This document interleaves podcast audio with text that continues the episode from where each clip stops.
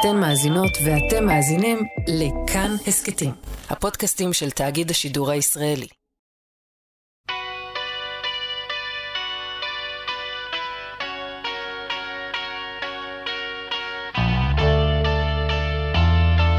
אני אוהב בשיר את הכישוף שלו, שהוא מכניס אותך לתוך מסע של איזה כמה דקות, שהוא בסוף נהיה כזה מין כאוס אה, סוחף כזה לעולמות אחרים.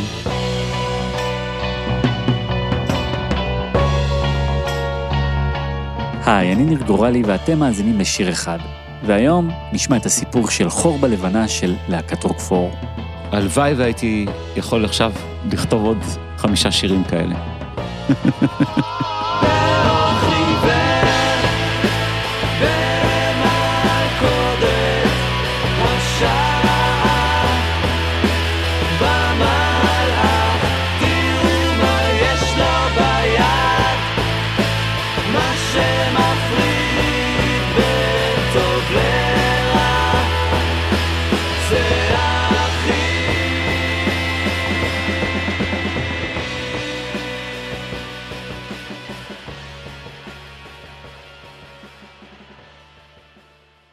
הסיפור שלנו מתחיל ב-1980, כשברוך בן יצחק בן ה-12 עבר עם המשפחה שלו לשכונה חדשה בחולון. אתה יודע, פתאום כל החברים שלך, אין לך חברים, אז לא הייתה ברירה, היית חייב להכיר את מי שבשכונה. ובאמת, כמה בניינים בצד שלי, כאילו איזה שלושה, ארבעה בניינים משמאלי, היה אמיר צורף. בוא נגיד שהייתי טיפה קצת שונה משאר הכיתה, אבל מזלי שהייתי שחקן כדורגל טוב, אז חברים היו לי.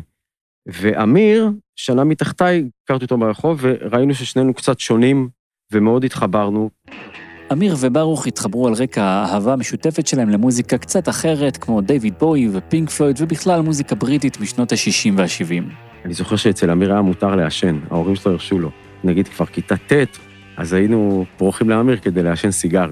אז באמת היינו יושבים, שומעים מוזיקה, מנגנים. כמה רחובות מברוך ואמיר גר נער בשם אלי לולאי. הרגשתי מאוד אאוטסיידר, זה מקום אה, מאוד אה, רגיל, חולון. ככה גם המראה שלי היה והכל, ולא פעם חטפתי איזה כאפה, או אתה יודע, איזה מישהו שם. לפעמים גם הצבע השיער היה משתנה, אז זה עוד יותר גרוע, או העגיל באוזן, דברים כאלה, זה היה ממש אה, לא מקובל בכלל. ואז פשוט בתוך האאוטסיידריות הזאת חיפשתי עוד אנשים שמתאימים לי לעניינים שלי. את ברוך בן יצחק הוא הכיר מרחוק מהשכונה עד שבכיתה י"ב הם מצאו את עצמם יחד באותו בית ספר. ואני רואה בכיתה את אלי. אומר לו, מה אתה עושה פה? וזה כאילו פתאום כבר התחלנו לדבר, אז היינו נוסעים באוטובוס יחד, וככה התחברנו. והוא באוטובוס תמיד היה שר לי שירים, כאילו כל מיני דויד בוי, חיקויים כזה. אתה יודע, זה היה כזה לא נעים, הוא לא היה מתבייש, פתאום שר באוטובוס עם כל ה... אתה יודע, אוטובוס צפוף, ארטקור. כן, ממש, וכל האנשים היו. לא מבינים מה קורה. טוב, אתה יודע, זה גיל כזה נטול עכבות. והתחלנו לדבר על מוזיקה ושרתי לו, ואני חושב שכאילו יום אחרי זה כבר ממש היינו חברים, ישבנו ודיברנו על מוזיקה בלי סוף. היה חיבור ממש ממש חזק. החבורה הזו התגבשה סביב המוזיקה. אמיר ניגן גיטרה, ברוך ניגן בס, ואלי, הבחור המזמר מהאוטובוס, התאים להם בול. ואמרתי לאמיר, תשמע, יש לי מישהו שאני מכיר, הוא אחלה זמר וזה. הוא אמר לי, יאללה, תביא אותו. אלי בא, וצירפנו אותו, ואז הוא אמר, אתה יודע מה, אני אביא איתי איסר. איסר טננבאום היה מתופף מרמת גן, שניגן עם אמיר בגרסה המוקדמת של נוער שוליים, עוד הרכב חולוני מהשכונה. אמיר ניגן בזמנו בשתי הלהקות והיה המנוע העיקרי בלהקה החדשה שהקים עם ברוך ואלי. ואמיר באמת היה עושה דברים בלי הרבה לדבר, פתאום היינו מגלים, הוא אומר, יש לי חבר, שלום, הוא ינהל אותנו. מה ינהל אותנו? אנחנו עוד כלום. והוא אומר, אל תדאג, נשיג חדר חזרות, ניג'סנו לעירייה, לבחור שאחראי על הרקדנים וזה, שייתן לנו חדר, הוא נתן לנו חדר. עכשיו, באמצע המרכז ריקודים פשוט היינו עושים שם רעש מטורף, לא יודע איך הרשו לנו, וככה באמת התחיל הרוקפור.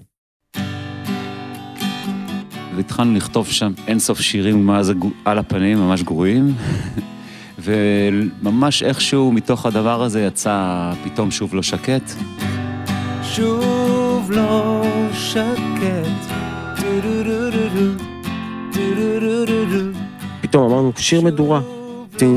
כזה, אני ואמיר, כתבנו את הלחן, וקלטנו שיש לנו שם שיר. סוף סוף שיר כאילו נורמלי. עשינו כזה קסטה, ואז הייתה תוכנית לקוטנר, ושלחנו לו את שוב לשקט, ואני זוכר שצורף התקשר אליי, אמר לי, תקשיב, הוא ישמיע את השיר היום, אמרתי לו, אני לא מאמין לך. זוכר את ההתרגשות המטורפת, ולא האמנתי שהוא משמיע את זה ממה שהקלטנו בפורטק, עם הטעויות, לא האמנו, זה היה נשמע לי אסון. הוא אמר בסוף, עם הפקה טובה זה עוד יהיה להיט.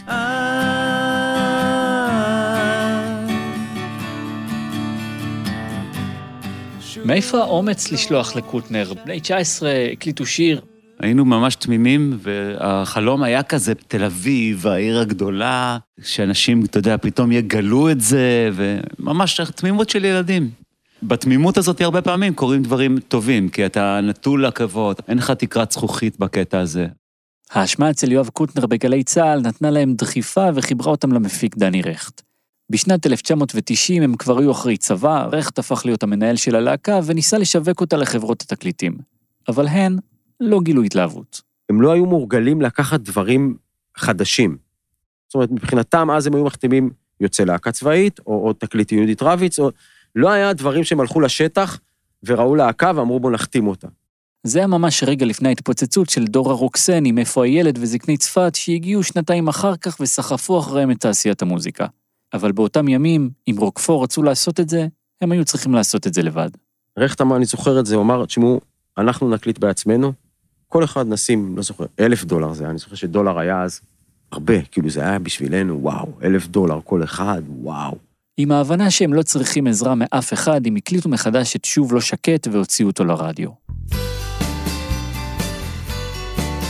והשיר תפס. ואז מלחמת המפרץ.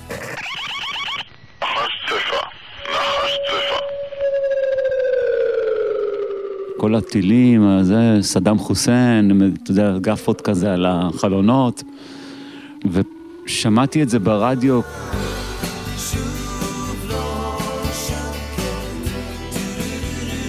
אני חושב שהייתי באוטובוס או משהו כזה, כמעט הלכתי לנהג ואמרתי לו, שמע, כאילו, זה, אנחנו ילדים מחולון, כאילו, מה משמיעים אותנו בגלי צה"ל? ועכשיו, גם חברות התקליטים התחילו לחזר. טלפונים, טה-טי-טה-טה, משא ומתן, NMC ועד ארצי ככה רבו על זה, הלכנו עם NMC. אז פתאום צורף בוקר בהיר אחד הביא את הכעס. אוזניי אטומות, חיוכך, זיכרון עמום רודף. והתלהבנו. אמרנו, וואו, יש לנו כבר שני שירים לא רעים בכלל. וב-1991 יצא האלבום הראשון שלהם, רשת פרפרים.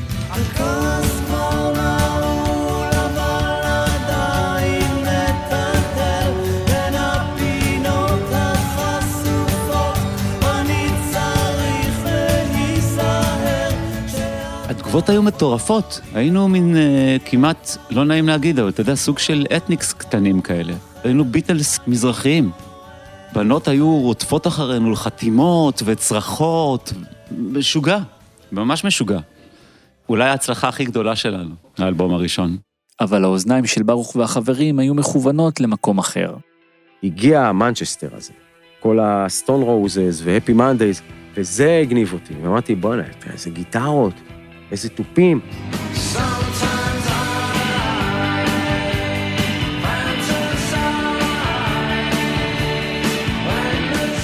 הסאונד הזה שהגיע מאנגליה הפך להם את הראש. פתאום העבודה שהם עשו על רשת פרפרים נשמעה להם אחרת, לא מספיק טובה, לא מספיק אותנטית.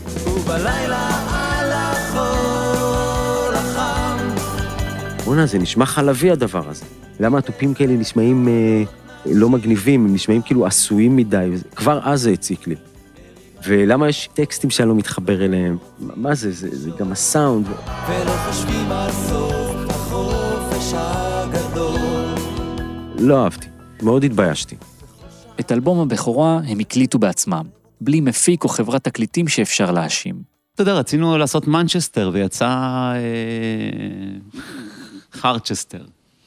אתה יודע. הם היו ילדים חסרי ניסיון, והיה פער בין מה שהם רצו למה שיצא. גם אלי זוכר את ההרגשה הזו. הייתה לי פעם מורה לאומנות שהייתה אומרת, אה, הרעיון מצוין, אבל הביצוע גרוע. וגם זה לא היה cool מספיק מבחינתנו, כי רצינו להיות קולים. אז זה מאוד הפריע. זאת אומרת, כשראינו אה, להקות אחרות במועדונים מופיעות לפנינו או אחרינו, והן נשמעות בעינינו משהו כזה, אתה יודע, וואו, כמו שרצינו שזה יהיה, אני יודע אם להגיד כרמלה גרוס וגנר. כרמלה גרוס ווגנר, חיים את החיים. אז מבחינת ההצלחה זה היה ממש מוצלח, אבל מבחינת ההרגשה הפנימית זה היה חסר שם משהו מאוד רציני בעומקים, ברוקנרול, בכל הדבר הזה שכבר רצינו אותו יותר. הם הופיעו מלא, הרדיו חיבק את שני הלהיטים שלהם, אבל... אנחנו שם לא נהנים, לא נהנים על הבמה. ואז באמת אמיר דיבר איתי, הוא אמר לי, תשמע, אני, קשה לי לעמוד על במה, אני לא מאמין כל כך לדבר הזה. אמיר צורף עזב את הלהקה. הוא התנער גם מהפופיות של נוער שוליים, ובהמשך הקים את הג'ינג'יות והתרכז בעיקר בהפקה.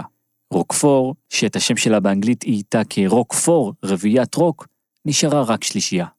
הבנו שאנחנו רוצים להמשיך את זה, אבל רוצים לעשות את זה אחרת. ואז אה, רכט אומר לי, תקשיב, יש לי חבר שאני מכיר מילדות שהוא ממש יתאים לכם. כן, אני שמעתי את, אה, את שוב לא שקט בעד פופ עם אה, דידי הררי, ואני ממש אהבתי את ההרמוניות ואת חטיבת הקצב שהייתה שם של ברוך ואיסר, ומאוד רציתי לעשות דבר כזה בעצמי. זה מרק לזר, והפגישה הראשונה בינו לבין דני רכט נשמעת קצת מוכרת.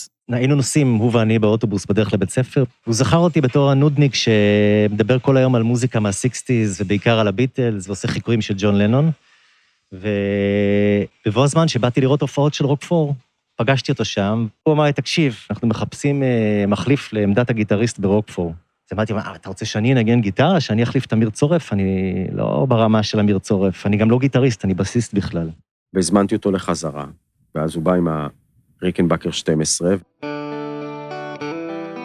אני לא מאמין, כאילו רק בפוסטרים ראיתי כזה דבר. ומרק בא והוא אומר לי, תשמע, אני בסיסט. אמרתי לו, אבל אני בסיסט. זהו, תוך כדי שאנחנו ככה מנגנים, ואז אמרתי לו, טוב, תן לי לראות מה זה הגיטרה 12. הכניסה של הגיטרה המיוחדת ושל מרק לחדר באותו הזמן הייתה נקודת מפנה עבור הלהקה. ברוך השתלט על הגיטרה, על כל מה שמשתמע בלהיות גיטריסט.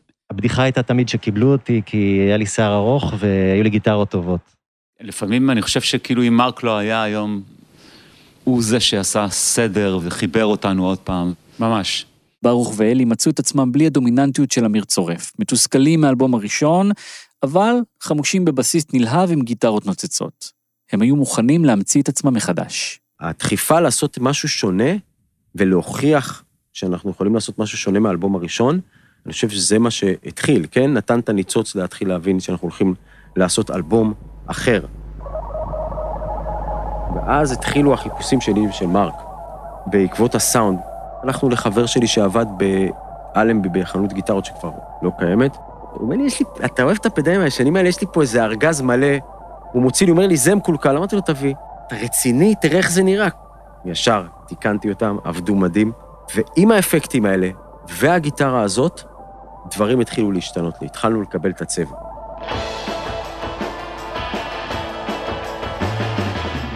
השנה הייתה 1994 והם כבר גרו בתל אביב. לצד ההתרפקות על העבר דרך הציוד הווינטג'י, גם ההווה פתאום התערב. פיגוע קשה ביותר בלב תל אביב, 22 הרוגים ויותר מ-40 פצועים, בפיגוע התאבדות באוטובוס בקו 5 ליד כיכר דיזנגוף. החמאס מקבל את... אני שומע פיצוץ, כל הבניין רועד. אני הולך ופתאום אני רואה אנשים רצים אליי עם דם, ואני מסתכל אצלי ואני רואה את קו 5 הזה, מפויח.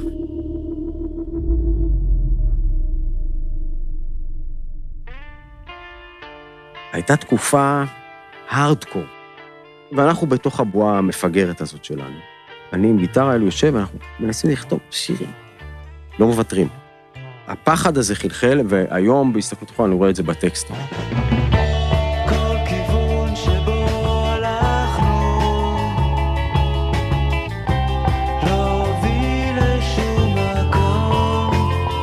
המשפט, כל כיוון שלא הלכנו להוביל לשום מקום, זה נתן לנו את כל הפתח לשיר.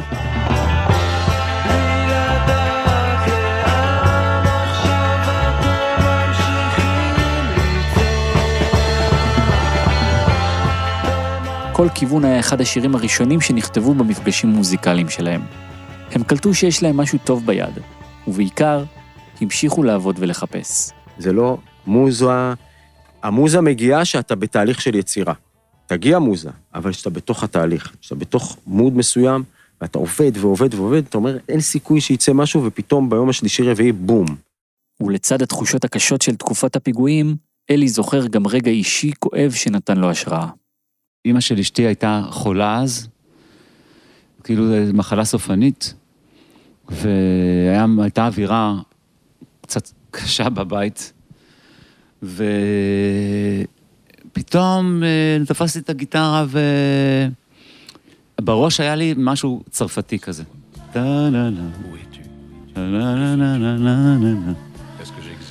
אז התחלתי לשיר, ויצא לי משהו מעניין פתאום.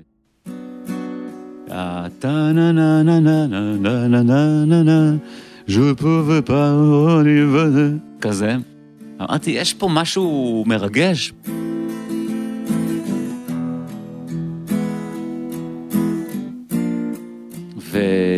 ואז הפזמון שכתבתי היה הבית השני בעצם,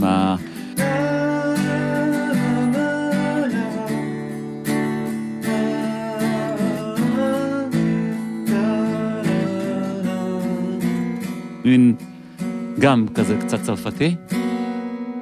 וזהו, זה יצא לי כזה מין אה, שר לזנבור כזה. אבל אמרתי, וואלה, יש פה משהו, ואז השמעתי את זה לברוך ומרק, ואמרו לי, וואו, מאיפה הבאת את זה? כאילו, ממש התלהבו. והייתה לי צמרמורת בכל הגוף, אני לא אומר את זה סתם, באמת הייתי וואו. ואמרתי לו, תקשיב, זה השיר הכי טוב שכתבתם ever.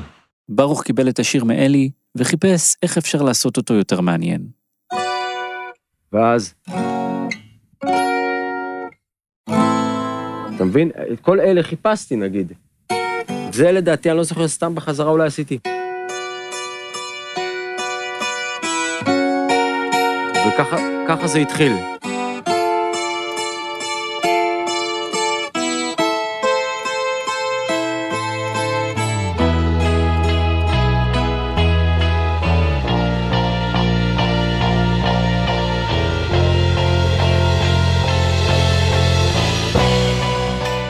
אני זוכר את ההתרגשות הזאת, הרבה פעמים בתחילת יום שעובדים, לשמוע שנייה מהטייפ, לראות אם אני, מה שאני זוכר זה כזה טוב, כי הרבה פעמים היינו הולכים הביתה בתחושה, בואנה, איזה שיר מגניב היה אתמול, וזה, אני הולך לשמוע אותו היום, מתבאס.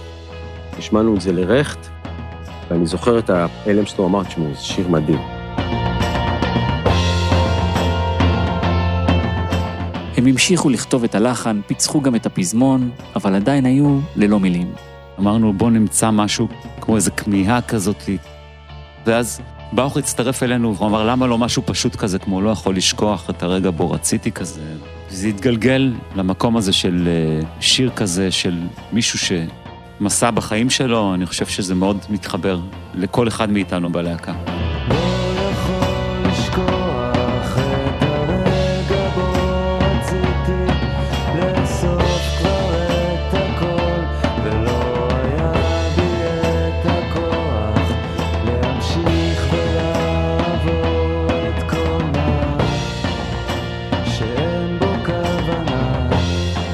הטקסט הזה ממש, ואת רוב הטקסטים באלבום הזה כתבנו מאוד אינטואיטיבי, זה היה כמו פאזל.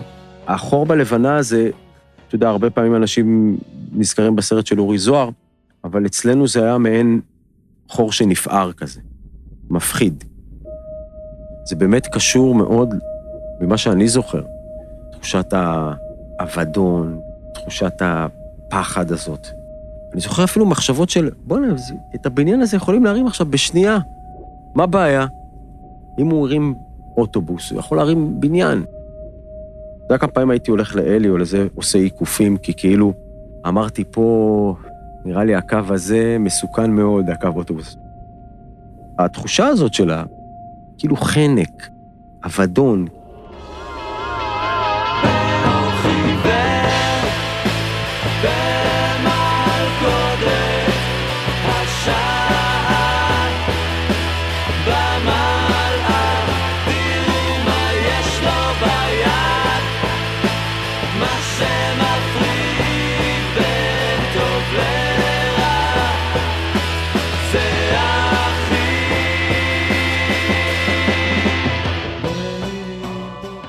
מה זה אומר זה אחי?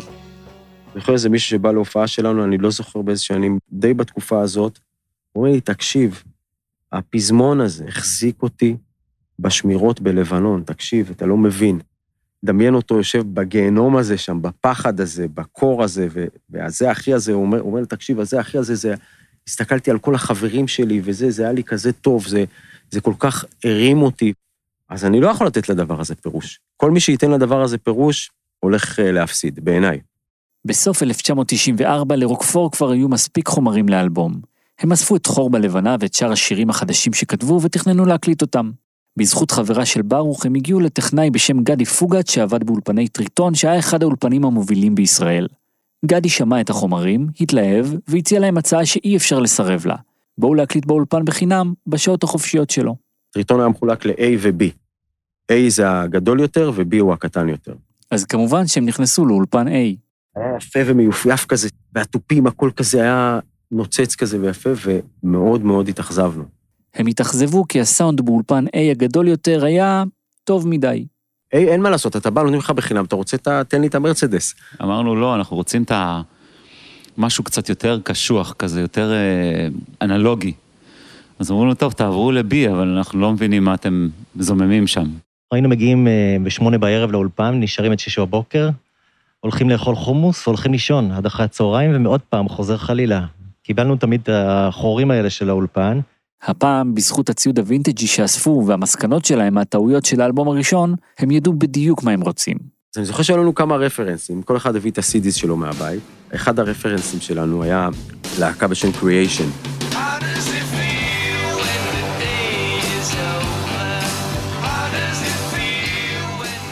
אמרנו לו, גדי, אנחנו רוצים כמו קריאיישן, אנחנו רוצים כמו הנדריקס. אהבנו את Love, את Forever Changes.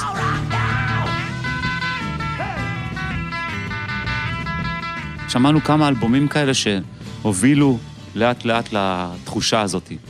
ממש מריח את הריח הזה של התקופה הזאת. ועם הריח הזה באוויר, הם ניגשו להקליט את האלבום השני שלהם. ואני זוכר שפעם אחת הוא קרא ליהודית רביץ לבוא לשמוע, אחרי שהיא עמדה בדלת כזה ושמעה.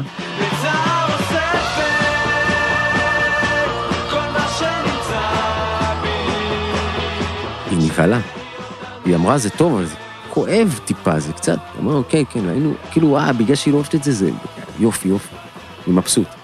כן, זה הראש, זה ראש של ילדים. כשהחומרים באולפן התחילו להתגבש, הם חיפשו שוב חברת תקליטים.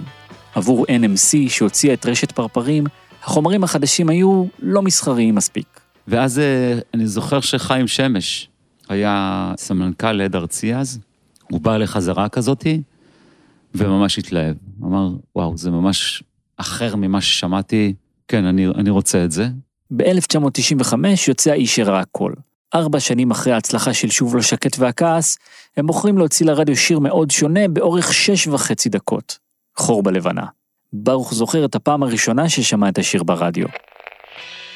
אני זוכר את זה, שמעתי את זה פה במפעל של אמא שלי, והעובדים כולם ככה הסתכלו, עכשיו הם רגילים לשמוע איזה מוזיקה רוסית כזאת, פתאום אני אומר להם, מעביר תחנה ושומע את הדבר הזה, ואימא שלי מבסוטה, זה הבן שלי, ואני אומר, יואו, הם בטח אומרים לעצמם, מה זה הגיהנום הזה?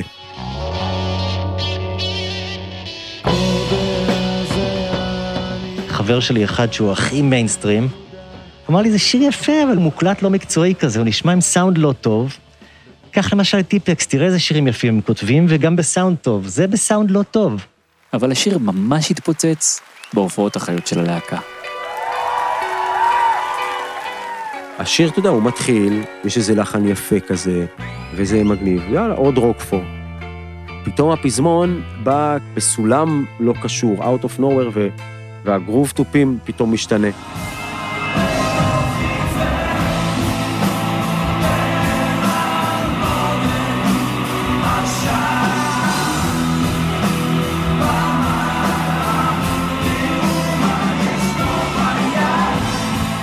הייתי נהנה להסתכל על הקהל, כי גם הייתי לוחץ על הזה, ואז פתאום fuck, כל הרעש הזה מתפוצץ.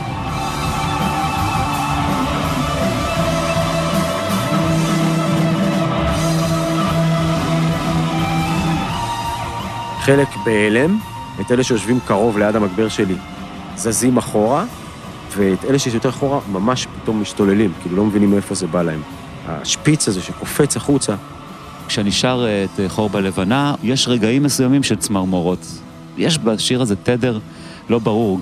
עד היום בהופעות הוא נשמע הכי אמיתי, הכי חזק. פתאום האנרגיה של הקהל משתנה, כולם נכנסים לאיזשהו טראנס.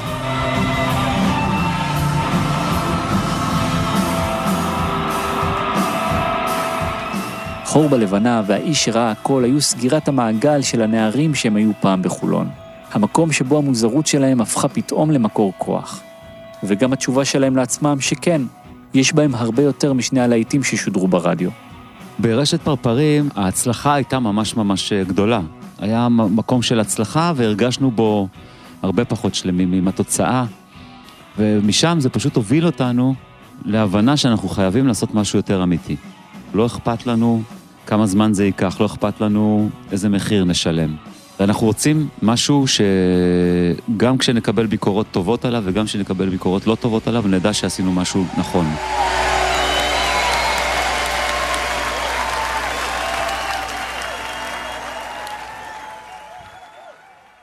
כשוויתרנו על ההצלחה, הצלחנו.